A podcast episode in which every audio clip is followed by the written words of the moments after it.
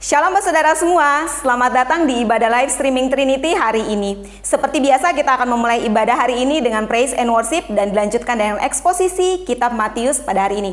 Namun sebelumnya mari kita bersatu dalam doa dan doa tersebut akan dipimpin oleh saudara kita James.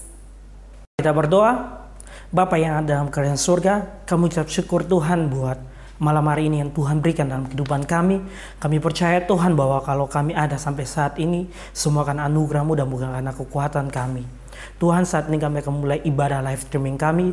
Biarlah Tuhan boleh memberkati dan biarlah namamu yang dimuliakan dan ditinggikan dalam ibadah malam hari ini. Dan berkati juga teman-teman yang sedang menonton uh, live streaming ini. Biarlah Tuhan memberkati sehingga mereka juga boleh dibangun iman mereka melalui ibadah malam hari ini. Terima kasih Tuhan kami menyerahkan ibadah malam ini ke dalam tanganmu di dalam nama Yesus Tuhan. Amin.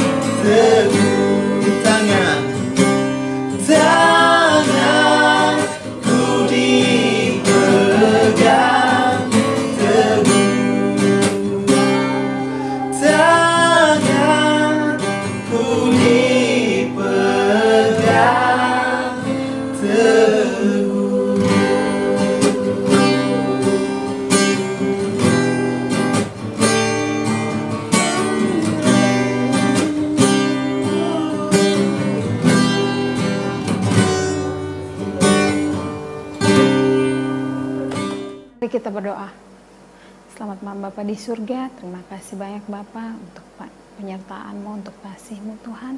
Engkau memberikan kami kesempatan Tuhan.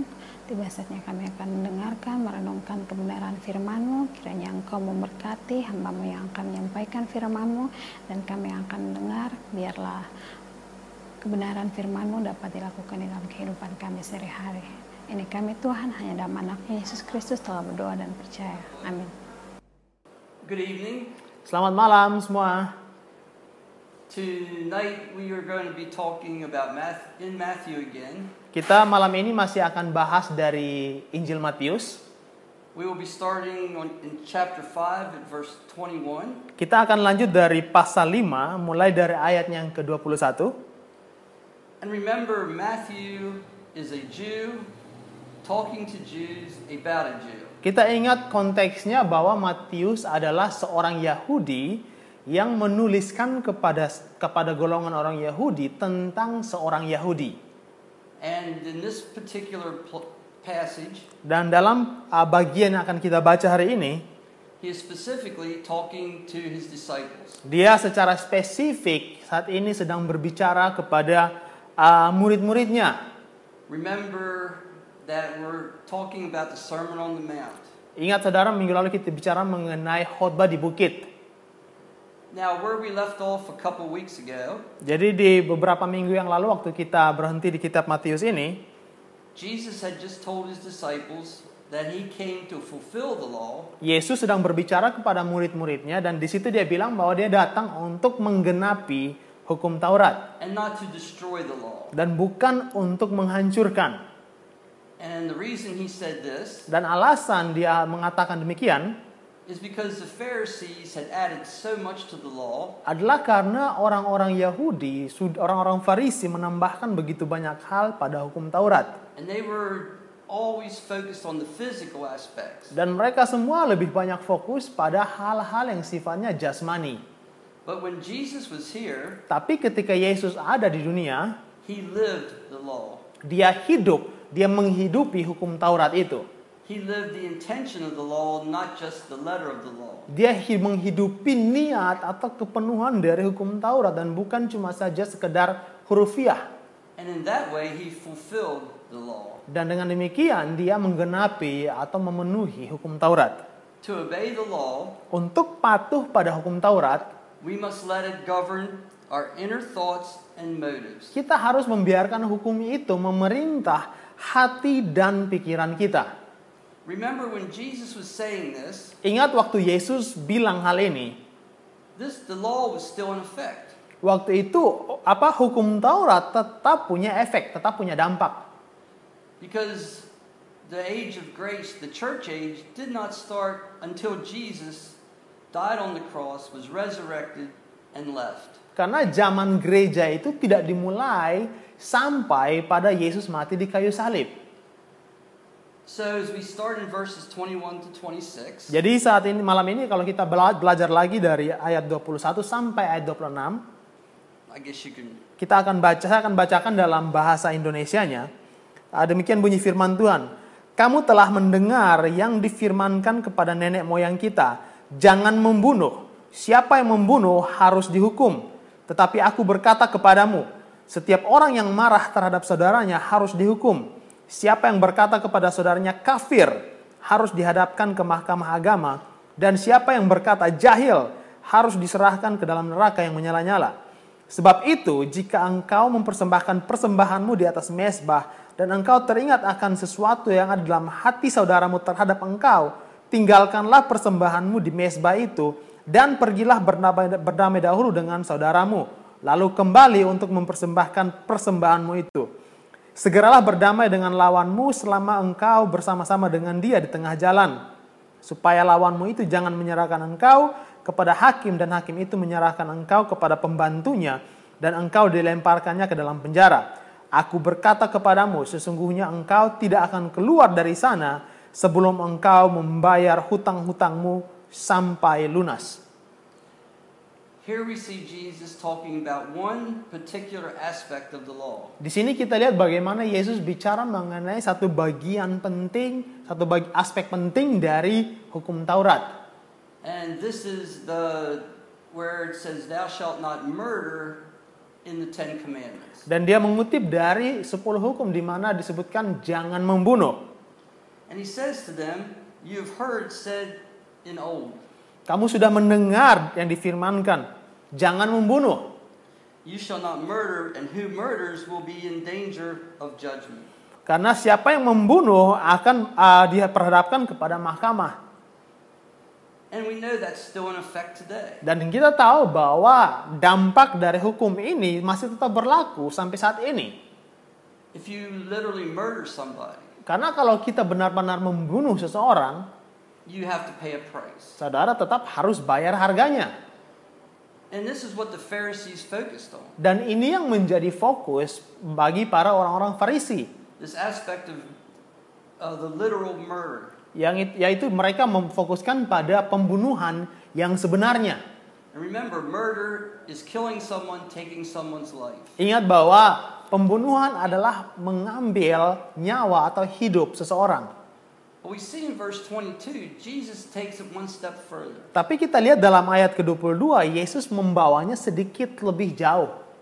He says that whoever is angry without a cause to his brother Dikatakan, tetapi aku berkata kepadamu setiap orang yang marah terhadap saudaranya atau marah tanpa sebab, he is in danger of judgment. dia juga sama punya punya ancaman terancam untuk masuk dalam penghakiman.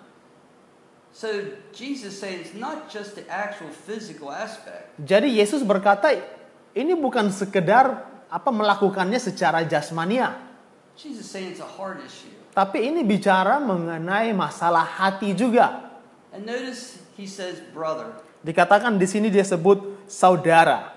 He's not he's talking about someone who's in Christ. Dia sedang berbicara pada seseorang yang di dalam Kristus. He's not talking about someone out in the world. Dia tidak sedang berbicara mengenai seseorang yang ada di luar sana atau di dunia. There's this aspect of anger without cause. Ada satu aspek di mana kita marah tanpa alasan, tanpa sebab. You know, there's times you can be angry. Ada saat di mana kita bisa marah. The Bible says be angry and sin not. Alkitab berkata, jadilah marah tapi jangan berbuat dosa.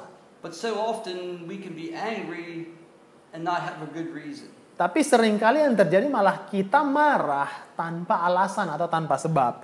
And so this is one level of, of punishment is this judgment. Jadi penghakiman ini adalah satu level uh, dari uh, hal yang kita baca ini. And he goes on to say, Dan dia berlanjut dengan mengatakan, and whoever and whoever says to his brother Raka or idiot dikatakan tapi siapa yang berkata kepada saudaranya kafir shall be in danger of the council. akan diserahkan ke dalam mahkamah agama. Now this is like the next le- the next level of punishment. Ini satu apa tingkatan penghukuman yang lebih tinggi lagi. This is when you would be taken before the Sanhedrin. Ini adalah saat di mana seseorang akan dibawa di hadapan para Sanhedrin And they would make a judgment on you. dan mereka akan melakukan penghakiman atas orang-orang ini.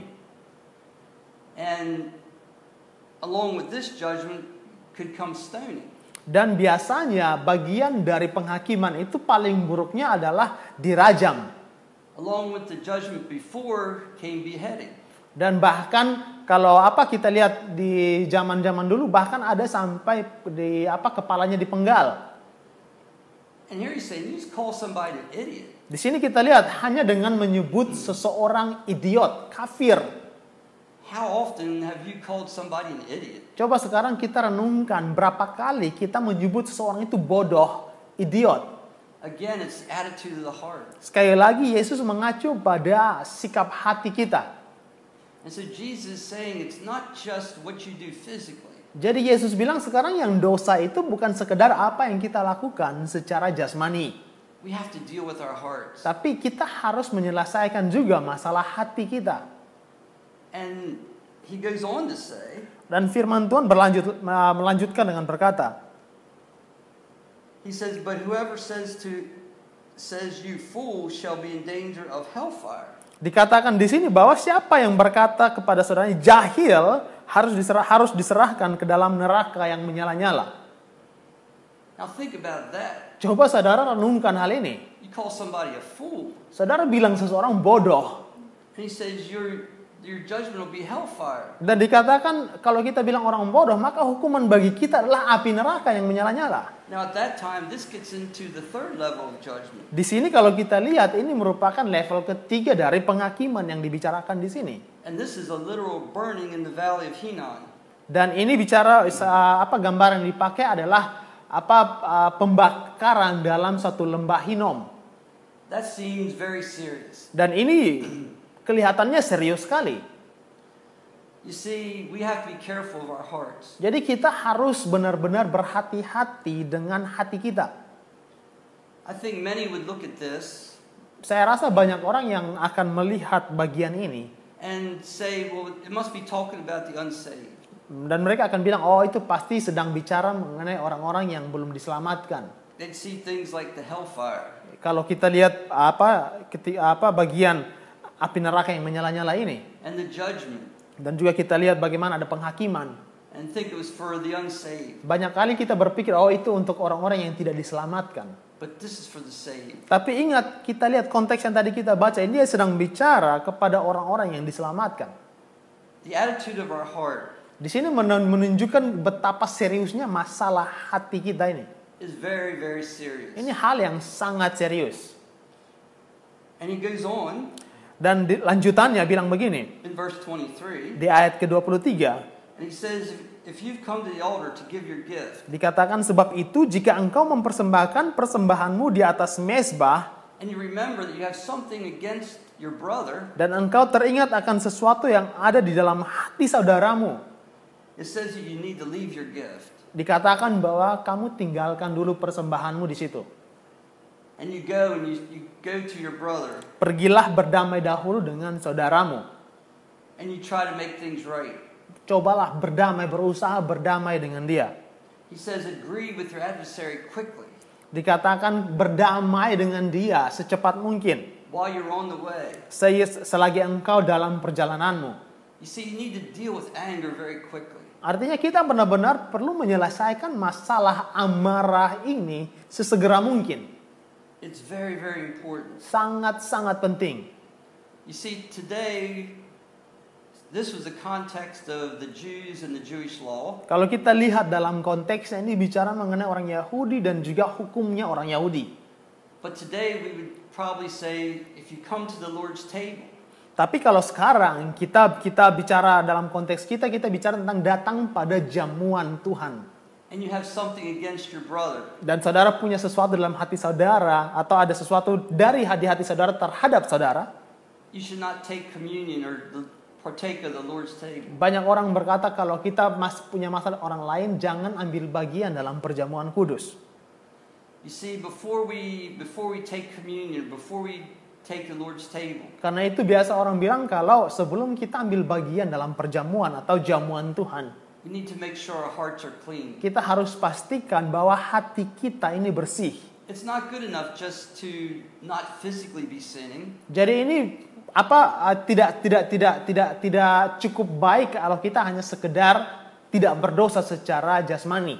We have to deal with our heart and our thoughts. Kita harus berurusan juga dengan masalah hati dan pikiran kita. You see, Jesus is saying it's so important Yesus bilang ini penting sekali. That you have to leave your gift at the altar Saking pentingnya dia bilang kamu tinggalkan dulu persembahanmu itu di mesbah. and go take care of this issue. Selesaikan dulu masalah amarahmu ini, dendammu. You know, one of the problems with anger, Salah satu masalah dengan kemarahan it turns into bitterness adalah ini akan bertumbuh menjadi kepahitan. and it could actually turn into physical problems. Dan pada akhirnya bisa berdampak pada masalah fisik atau masalah jasmani. You see, it's very, very important that we do deal with anger. Jadi sangat penting supaya kita benar-benar menyelesaikan masalah amarah ini. If we don't deal with anger, Karena kalau kita tidak menyelesaikan berurusan dengan hal masalah amarah ini, it's going to affect our spiritual life. ini bukan hanya akan berefek pada uh, rohani kita, It's going to affect our relationship with God. tapi juga akan berefek pada hubungan kita dengan Tuhan. And so it's very important. Jadi sangat penting sekali. But it's not just the anger that, that's visible to others. Tapi ini ingat bukan sekedar kemarahan yang bisa dilihat oleh orang. It's the attitude of our heart. tapi juga sikap hati kita. It's our bad attitude to others around us. Ini juga bicara mengenai sikap kita yang buruk terhadap orang-orang di sekeliling kita. It's the thoughts that we have. Ini bicara mengenai pikiran yang ada dalam kepala kita. Yesus bilang kalau kamu tidak melakukan ini, if you do not make things right with your brother, kalau kamu tidak mau berdamai dengan saudaramu, he might take you to the judge. dia bilang apa? Dia saudaramu bisa bawa engkau ke hak ke, ke pengadilan And you could end up in prison. dan engkau bisa berujung di penjara. And he says, I, Assuredly, I say to you, Dan dikatakan, aku berkata kepadamu, you will by no means get out of it, get out of there till you have paid the last penny. engkau tidak akan keluar dari sana sebelum engkau membayar hutangmu sampai lunas. You see, there's consequences to not dealing with sin and anger. Jadi kita lihat bahwa ada konsekuensi supaya kita jangan mau berurusan dengan masalah dosa dan juga dengan ah, amarah. Anger can lead to many things. Karena amarah kita itu bisa membawa pada banyak hal.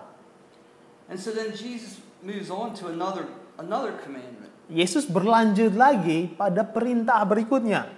And that one is you shall not commit adultery. Dikatakan kamu telah mendengar firman jangan berzina. And we're going to look now at verses 27 to 30. Kita akan lihat dari ayat 27 sampai ayatnya yang ke-30. Do you want to read? Saya akan bacakan dalam bahasa Indonesia.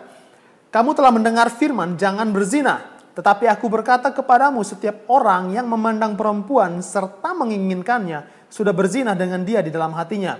Maka jika matamu yang kanan menyesatkan engkau, cungkilah dan buanglah itu. Karena lebih baik bagimu jika satu dari anggota tubuhmu binasa, daripada tubuhmu dengan utuh, dicampakkan ke dalam neraka. Dan jika tanganmu yang kanan menyesatkan engkau, penggalah dan buanglah itu karena lebih baik bagimu jika satu dari anggota tubuhmu binasa daripada tubuhmu dengan utuh masuk neraka. And again, Jesus starts out this way. Sekali lagi Yesus mulai dengan cara yang sama. You have heard it, heard it was said Kamu telah mendengar firman to those of old, eh, yang pernah dikatakan, you shall not commit adultery. jangan bersinah. Sounds pretty simple. Kedengarannya sederhana. We all would agree on that. Kita semua sepakat dengan firman ini. That a man should not go out with another another man's wife. Bahwa seorang pria tidak bisa keluar atau uh, mengambil istri dari uh, pria lain.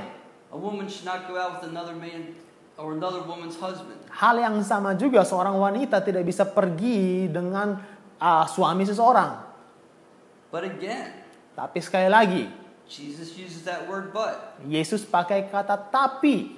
And he says, Dan dia bilang begini, Whoever looks at a woman to lust has already committed adultery with her. setiap orang yang memandang perempuan serta menginginkannya sudah bersina dengan dia dalam hatinya. And he adds, in his heart. Dikatakan dia dalam hatinya. You see, if you just look at a woman Kalau saudara hanya sekedar melihat wanita with the wrong motive, dengan motivasi yang salah, with the wrong attitude, dengan sikap yang salah, he's saying you've already committed adultery. di sini firman Tuhan bilang kamu sudah melakukan perzinahan. And it's going to work the same way for a woman looking at a man. Hal yang sama juga berlaku bagi wanita yang melihat laki-laki. You know, we live in a world today Kita tinggal dalam dunia that is very sexual in nature. yang sangat apa namanya sangat seksual secara alami. When you look at the advertisements, Coba saudara lihat pada iklan-iklan yang ada. When you look at the movies, Kalau saudara lihat film-film yang ada sekarang, you look at the way people dress, saudara lihat bagaimana orang-orang sekarang berdandan, berpakaian. we live in a very sexual world. Kita hidup dalam satu dunia yang sangat seksual. And Jesus is saying, Dan Yesus bilang di sini, if you just look kalau kamu hanya lihat saja and you lust, dan ada nafsu di situ, you've committed adultery. maka kamu sudah melakukan perzinahan. You know, there's a real danger in looking, Jadi ada satu bahaya dalam melihat, bahayanya nyata. especially if you look too long. Terutama ketika saudara melihat terlalu lama. One of, one of the great examples in the Bible is David. Salah satu contoh yang paling nyata dalam Alkitab adalah Daud. You see, David didn't start out by bringing Bathsheba into his bedroom. Daud itu tidak langsung bawa Bathsheba ke dalam kamarnya. David saw her taking a bath. Pertama dia lihat Bathsheba sedang mandi And instead of turning away, dan bukannya dia berpaling, he continued to look. dia terus melihat. He started to lust. Dia mulai bernafsu. He kept looking. Dia terus melihat He continued to lust more dan dia terus makin mena- menaikkan nafsunya until that sexual urge took over. sampai pada akhirnya desakan seksual itu melingkupi dia dan mengambil alih. And it was only then Dan pada saat itu that he brought Bathsheba into his bedroom. akhirnya dia mengambil Bathsheba dan membawa ke kamarnya. But it didn't even end there. Tapi ingat saudara tidak berhenti sampai di situ. He knew he'd, he'd done something wrong. Dia tahu dia sudah melakukan sesuatu yang salah. And especially when Bathsheba turned up pregnant. Dan apalagi setelah Bathsheba ini menjadi hamil. And this led to murder Dan dari satu perzinahan ini menghasilkan pembunuhan. Dia mencoba untuk menutupinya. You see, we may think Kita mungkin berpikir, that when we look at somebody kita bilang, oh saat kita melihat seseorang. and we have that, that lustful thought, Dan kita punya pikiran yang penuh nafsu ini. oh, there's no harm in this. Mungkin saudara pikir, oh tidak ada masalah, tidak ada bahayanya. Not a big deal. Tidak masalah. You know, God made women beautiful. Karena Tuhan kan membuat wanita itu cantik. God made men handsome. Tuhan membuat laki-laki itu tampan. What's wrong with this? Lalu salahnya di mana? But you see, if we don't, if we're not careful, Tapi kalau kita tidak berhati-hati, if we don't protect our heart, kalau kita tidak melindungi hati kita, we can be fall into the same type of thing as David did. kita bisa jatuh dalam hal yang sama yang menjerat Daud. And remember, Dan ingat, Jesus says lust itself, Yesus berkata bahwa nafsu itu sendiri, even if you don't do anything else, bahkan sebelum kita melakukan apa-apa, is adultery. itu sudah disebut perzinahan. And adultery is sin. Dan perzinahan itu dosa. There's no way around that. Jadi tidak ada jalan keluar di, di, di sekelilingnya. There's no way to make it sound okay. Saudara tidak bisa melakukan apa pun untuk membuatnya kedengaran baik-baik saja. And so he goes on to show how how bad it really is. Di sini kita melihat bagaimana Yesus menunjukkan dosa itu bisa seburuk itu. He says if your right eye causes you to sin, pluck it out. Dikatakan bahwa "Ma- maka jika matamu yang kanan menyesatkan engkau, cungkilah and throw it away. dan buanglah itu. Karena lebih baik bagimu jika satu dari anggota tubuhmu binasa daripada tubuhmu dengan utuh dicampakkan dalam neraka. It says then for your whole body to be cast into hellfire. Daripada tubuhmu dengan utuh dicampakkan ke dalam neraka. That sounds that sounds kind of strong. Itu keras sekali. So Jesus goes on Jadi Yesus melanjutkan lagi in verse 30 di ayat 30. and says your right hand causes you to sin, Jika tanganmu yang kanan menyesatkan engkau, cut it off and throw it away. penggalah dan buanglah itu. Again, he says because it's better that you get rid of that part Karena lebih baik bagimu jika satu dari bagian tubuhmu binasa. Dan hidup lebih baik kita hidup dengan satu tangan. Daripada seluruh tubuh kita dilempar dan dilemparkan ke dalam neraka. Kita harus percaya tahu bahwa Yesus tidak sedang bicara secara literal di sini. Karena kalau saudara dan saya, kalau kita mau menanggapi ini secara literal and we did it, dan kita lakukan, none of us would have eyes. maka saya yakin kita semua tidak punya mata lagi. None of us have arms. Kita semua tidak lagi punya tangan. We probably wouldn't have legs or anything Mungkin kita juga tidak lagi punya kaki. because we've all sinned. Karena kita semua berdosa. We've all lusted.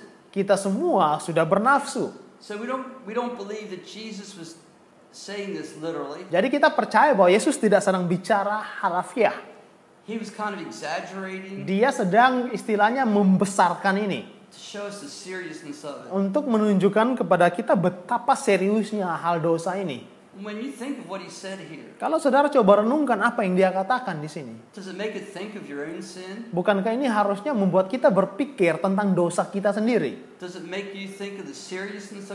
Bukankah ini harusnya membuat kita berpikir betapa seriusnya dosa kita? You know, when we see things like this in the Bible, Saat kita melihat hal seperti ini di dalam Alkitab, even though he was specifically talking to his disciples, Walaupun pada saat ini Yesus sedang berbicara kepada para murid, he was teaching them what they needed to teach others, dia sedang mengajarkan kepada mereka apa yang harus mereka ajarkan pada orang lain. but it's applicable to us today. Tapi ini juga berlaku bagi kita saat ini. And so we have to look at these things Jadi kita harus perhatikan hal ini and say, Lord, help me. dan kita bilang Tuhan tolong saya. And we need to be willing to confess Dan kita harus mau mengaku when we have those lustful thoughts. saat kita punya pikiran yang penuh nafsu. You know, we need to be careful. Kita harus berhati-hati. We need to be careful what we look at. Kita harus berhati-hati dengan apa yang kita lihat. We need to be careful what we focus on. Kita harus berhati-hati dengan apa yang menjadi fokus kita. Because what goes in through our eyes Karena apa yang masuk dalam mata kita goes into our mind. masuk juga ke dalam pikiran kita. And you know, we need to guard our minds. Karena itu kita perlu untuk menjaga pikiran kita. And as we allow this stuff to work in our mind, Karena kalau kita izinkan hal-hal ini bekerja dalam pikiran kita, so often it'll come out in our actions. sering kali itu akan keluar dalam tindakan kita. You see, our heart is kind our our actions show us what's in our heart, Karena tindakan kita itu menunjukkan apa yang sebenarnya ada dalam hati kita. but people don't always see what's in our heart Tapi masalahnya orang kan tidak selalu lihat apa yang dalam hati kita. because we're often very good at covering up. Karena kita semua terlalu pandai menutupinya. And we may fool man. Kita mungkin bisa tipu manusia. We may fool the people around Kita us. bisa tipu orang di sekeliling kita. But God sees. Tapi Tuhan melihat. And no matter what judgment we may come across here on this earth, Dan tidak peduli penghakiman seperti apa yang kita dapatkan di dunia ini. no matter what we may get away with here on this earth, Atau bagaimana kita bisa lolos dari penghakiman dalam dunia ini. we have to face God. Pada akhirnya kita harus berhadapan dengan And He Tuhan. knows perfectly what we've done. Dan dia tahu dengan sempurna apa yang sudah kita And He lakukan. knows the attitudes of our heart. Dan dia juga tahu sikap hati kita.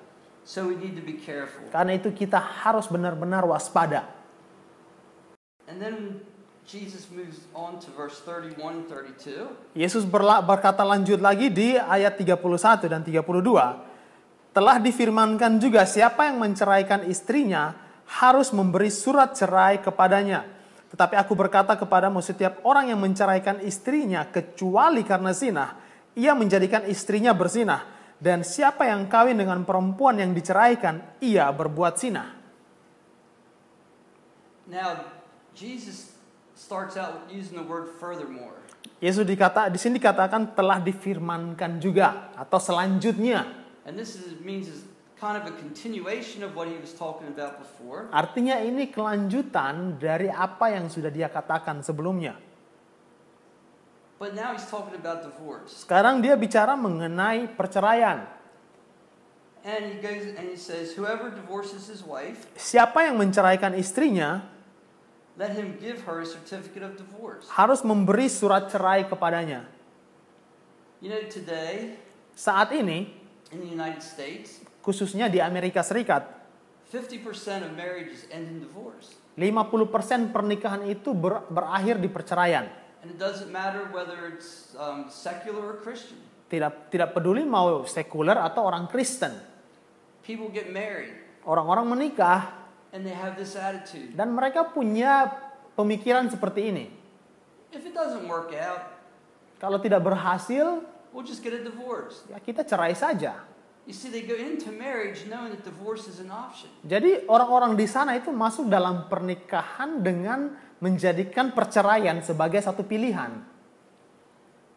And Jesus addresses this. Dan Yesus berbicara mengenai hal ini. He said, But I say to you Tapi aku berkata kepadamu, that whoever divorces his wife Setiap- for any reason, setiap orang yang menceraikan istrinya except sexual immorality, kecuali karena zina, causes her to commit adultery. ia menjadikan istrinya berzinah. And whoever marries a woman who divorced Dan siapa yang kawin dengan perempuan yang diceraikan, ia berbuat zina. Jadi Yesus bilang hanya ada satu alasan untuk untuk bercerai. Hanya ada satu alasan saudara bisa bercerai, yaitu kalau ada zina. adultery. Zina. But there's something interesting about that. Tapi ada satu hal yang menarik sebenarnya dari hal ini. That's not what God intended. Bahwa sebenarnya Tuhan tidak menghendaki perceraian. God intended for one man Tuhan mau cukup satu laki-laki dan satu wanita untuk bersatu as one person. sebagai satu tubuh. God even says, Bahkan Tuhan berkata, What God has put together, let no man take apart. apa yang sudah Tuhan persatukan manusia tidak boleh ceraikan. So, what's Jesus talking about here? Lalu di sini Yesus bilang apa? Well, it's true. Benar apa yang Tuhan sudah katakan. If we look at Matthew 19, verse 8, Kalau kita lihat dalam Matius 19 ayat 8, and Jesus said to them, Yesus bilang pada mereka, Moses, because of the hardness of your hearts, Musa karena kekerasan hatimu permitted you to divorce your wives, mengizinkan engkau untuk menceraikan istrimu. but from the beginning it was not so. Tapi dari mulanya tidak demikian. You see, Moses did permit to, for, uh, divorce because of sexual immorality. Jadi Musa mengizinkan perceraian karena alasan alasan zina ini. But it was not God's original plan. Tapi itu bukan apa namanya rencana awal dari Allah. Notice what he said Ingat apa yang perhatikan apa yang dia katakan. is permitted because the hardness of your heart. Diizinkan karena kekerasan hatimu. You see, I, I'm kind of familiar with this, Saya sangat familiar dengan ayat ini. and maybe some of you heard the story Mungkin ada beberapa saudara juga mendengar uh, ceritanya that some years ago, bahwa beberapa tahun yang lalu my wife left, istri saya pergi and she was unfaithful. uh, tidak setia So, because of that, dan oleh karena itu according to this, menurut firman ini I could have divorced her. saya bisa menceraikan dia. You know, but after she left, Tapi setelah istri saya pergi, I really, really studied the Bible. saya juga mempelajari Alkitab terus-menerus. You know, I knew what I thought, Saya tahu apa yang dalam pikiran saya, but I wanted to know what God really said. tapi saya juga ingin tahu apa yang Tuhan ajarkan. I talked to my mentor. Saya berbicara dengan mentor saya, I talked to my pastor. saya bicara dengan pendeta saya, I read commentaries. saya baca tafsiran, But most of all, I read the Bible. tapi terlebih lagi saya baca Alkitab. And the conclusion that I came to Dan saya sampai pada kesimpulan untuk diri saya was that because of what God's original intention was, adalah karena rencana awal Tuhan, because He hates divorce, karena Tuhan juga membenci perceraian. that I should not divorce my wife. Saya tahu bahwa saya tidak akan menceraikan istri saya. You see, at that time, Pada saat itu, where I lived, di tempat di mana saya tinggal, because she was unfaithful and she left me, karena dia tidak setia dan dia meninggalkan saya, I could have gotten a divorce very easy sangat mudah bagi saya untuk mengajukan perceraian. very quickly. Sangat cepat pasti prosesnya. But I believe, according to God's original plan, Tapi saya juga percaya pada rencana awal Allah. that would not be what He desired. Dan saya percaya bahwa perceraian bukan yang Tuhan inginkan. And I determined in my heart Dan saya tetapkan dalam hati saya that if she repented bahwa kalau istri saya mau bertobat and she came back, that I would remarry her. dan dia kembali, saya akan kembali dengan dia. Because eventually she did get the divorce. Karena pada akhirnya dia juga mengajukan perceraian. As I studied scripture, Karena saya juga pelajari Alkitab, I believe that God's intention was one man and one woman except for death. Saya percaya bahwa Tuhan mau satu wanita dan satu pria sampai mati. And that's my intention for the rest of my life. Dan itu yang menjadi pegangan saya sampai saya mati. You see, Jesus thinks that divorce is very serious too. Jadi di sini Yesus bilang perceraian itu hal yang serius. It's an attitude of the heart. Ini merupakan sikap hati. It's an attitude that He doesn't want us to have. Dan ini sikap hati yang Tuhan tidak ingin kita miliki. And notice He says that that if you divorce your wife for any reason, you cause her to commit adultery. Dikatakan kalau kita menceraikan istri kita tanpa alasan, kita membuat istri kita itu bersinah. Any reason except for the sexual immorality. Alasan apa pun kecuali karena zina. Of course, if there's already sexual immorality, she's already committed adultery. Karena kalau dia sudah melakukan persinahan, ya memang persinahan sudah terjadi. And remember, be the same for the husband. Ini juga berlaku untuk pria. If he's if he's committed sexual immorality, he's committing adultery, and that's forbidden also. Kalau dia melakukan uh, apa imoralitas seksual, dia juga bersinah, dia berdosa juga. Just because he only mentions the wife doesn't mean that it doesn't apply to the man also. Jadi hanya karena di sini disebutkan wanita bukan berarti tidak berlaku pada pria. And he goes even further. Dan di sini dilanjut lebih dalam lagi. If you marry a woman that's a divorce, Kalau kamu menikahi seorang wanita yang diceraikan, you cause her to commit adultery also. kamu berbuat sinah dengan dia. You see, it's very, very serious. Jadi ini sangat perzinahan ini satu hal yang sangat serius.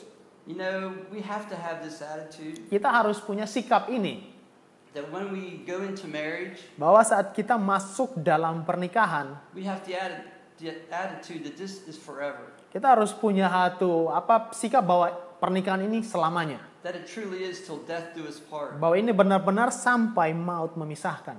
You see, marriage is a very sacred thing, Karena pernikahan adalah satu hal yang sakral it, and it's binding. dan sifatnya mengikat. It's not something that can easily be taken apart. Ini bukan satu hal yang saudara kita bisa copot begitu saja. You look at what you look at what God says. Saudara perhatikan apa yang Tuhan katakan. When the man and the woman come together as one, Saat apa pria dan wanita bersatu, what happens when you try to take something apart that's just one? apa yang saudara lihat ketika saudara coba patahkan atau pisahkan satu hal yang sifatnya satu? You have to break it or tear it. Saudara pasti harus akan menyebabkan kerusakan atau sobek. You know, it's not two pieces anymore. Karena ini bukan lagi dua bagian. It's just one. Ini sudah satu bagian. This is a very serious thing. Jadi ini satu hal yang sangat serius. It's a, it's damaging to families. Ini menghancurkan bagi keluarga. It causes problems for children. Ini menyebabkan masalah bagi anak-anak. We have to be very careful Jadi kita harus sangat berhati-hati when we're talking about marriage. saat kita bicara mengenai pernikahan. That we look at God's word. Pastikan bahwa kita melihatnya sesuai dengan firman Tuhan. That we think about what God says about marriage. Dan kita melihat apa yang Tuhan katakan tentang pernikahan.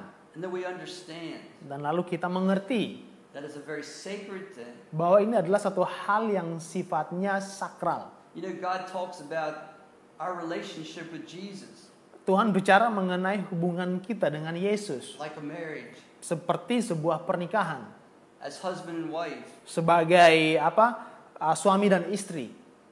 And you know, that relationship Dan saudara lihat bahwa hubungan ini can be damaged. bisa dihancurkan, There can be loss of fellowship, bisa kehilangan persekutuan di dalamnya. but it can never be taken apart. Tapi hubungan ini tidak bisa atau tidak tidak boleh dipisahkan. That relationship can never be reversed. Dan hubungan ini tidak bisa dibalik.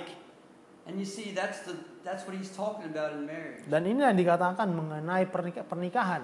Now, I do have to say this Saya harus bilang ini because I know there's there's many men and women that, that are in relationships that are abusive, saya karena saya tahu bahwa ada orang-orang di luar sana yang me- apa menyalahgunakan pernikahan mereka emotionally and physically, secara emosi dan juga secara fisik. and there may not be any adultery. Dan apa mungkin di dalam pernikahan tidak ada tidak ada perzinahan. And people always re- are saying, "Well, does that mean I have to stay with them?" Dari orang-orang bilang bahwa oh kalau begitu apakah saya harus terus tinggal dengan dia? Now, I would say this: Saya mau bilang begini, when it's an issue that has to do with um, your life, your maybe you know getting physically hurt or even killed, kalau masalah ini bicara mengenai masalah fisik atau mengancam nyawa saudara, I think there's a time that there could be separation. maka saya percaya bahwa saudara perlu waktu untuk pisah sementara. Because I don't think anybody has to live with under the threat of, of harm like that. Karena saya tidak percaya bahwa seseorang harus terus tinggal di bawah ancaman But the Bible seperti makes, itu. but the Bible makes no reason for divorce in that situation. Tapi Tuhan di Alkitab tidak memberi ruang untuk per, untuk perceraian dalam kasus seperti ini. So I would I would encourage you in this. Jadi saya ingin mendorong saudara dalam hal ini. If you happen to be married Kalau saudara mungkin sudah menikah and you're in a relationship like this, dan saudara ada di dalam hubungan seperti ini, Talk to your pastor or someone that you can trust Coba bicara dengan pendeta, gembala saudara yang saudara percayai. to work through these things. Atau siapa pun yang saudara percaya untuk coba diskusikan dan menyelesaikan hal ini. It's going to be hard. Pasti sulit. It's been hard for me. Karena bagi saya juga itu sulit. As my mentor told me, Sebagaimana yang mentor saya katakan. he said, You've chosen the hardest road to take. Karena mentor saya bilang, kamu sudah pilih jalan yang paling sulit bagimu. But Jesus said the road is narrow that goes with him. Tapi Yesus sendiri bilang bahwa orang yang mengikutiku akan mengikuti jalan yang sempit. And it's not going to be easy. Dan tidak akan mudah. But I also believe this. Tapi saya juga percaya, If you do things God's way, kalau kita melakukan sesuatu dengan cara Tuhan, He will take care of you. dia akan memeliharamu. So I would encourage you Jadi saya- end here Saya ingin mendorong kita semua seiring kita berakhir malam ini to remember this one thing untuk mengingat hal ini that it's not just the actual physical sin that people see, bahwa dosa itu bukan sekedar hal fisik yang orang lain bisa lihat, but it's the attitude of your heart. tapi juga bicara mengenai sikap hati kita. Ask God to search your heart. Minta Tuhan untuk selidiki hati kita. Ask Him to help you see what's in your heart Minta Tuhan untuk melihat apa yang ada dalam hati kita and to be willing to make the changes that He requests dan maulah berubah sebagaimana yang Tuhan tunjukkan mana yang harus so berubah. that you come in, in line with His Word, Supaya saudara bisa sejalan dengan firman-Nya. so that you can have that perfect fellowship with Him. supaya saudara bisa punya hubungan atau persekutuan yang sempurna dengan Dia. Let us pray. Mari kita berdoa. Dear Lord and Heavenly Father, Bapa dan Tuhan kami yang di surga, we thank, we praise you. kami bersyukur dan kami berterima kasih. We thank you for your Word. Kami bersyukur untuk firman-Mu. Your Word tonight Firman-Mu malam ini was hard. keras, We may not agree with it. mungkin kami ada yang tidak setuju dengannya. It may challenge our thinking, Dan ini mungkin menantang pemikiran kami. but Lord, it's your Word Tapi inilah firman-Mu. and it's truth. Dan firman-Mu adalah kebenaran. Lord, help us to understand. Tolong kami Tuhan untuk mengerti. Help us to help us to believe. Tolong kami untuk mengerti. Lord, search our hearts Selidiki hati kami to see if there's any way, anything in our hearts untuk supaya kami bisa melihat hal dalam hati kami that would be causing sin, yang menyebabkan dosa, things that nobody sees hal-hal yang tidak dilihat oleh orang lain except for you. kecuali Engkau sendiri. Lord, we ask Tuhan kami minta that you would change us biarlah Engkau ubahkan kami to be more like you. supaya kami jadi seperti Engkau. And then, Lord, as we move forward, Dan saat kami melanjutkan hidup ini, that we would walk with you, biarlah kami berjalan bersama Engkau. that we would walk close to you, Biarlah kami berjalan dekat dengan Engkau. and that our lives Dan supaya hidup kami would be witnesses for you, menjadi saksi bagi Engkau. so that everywhere we go, Supaya ke mana pun kami pergi, that we would help them to see Jesus. kami akan menolong orang lain melihat Yesus. In Jesus' name we pray. Dalam nama Yesus kami berdoa. Amen. Amin.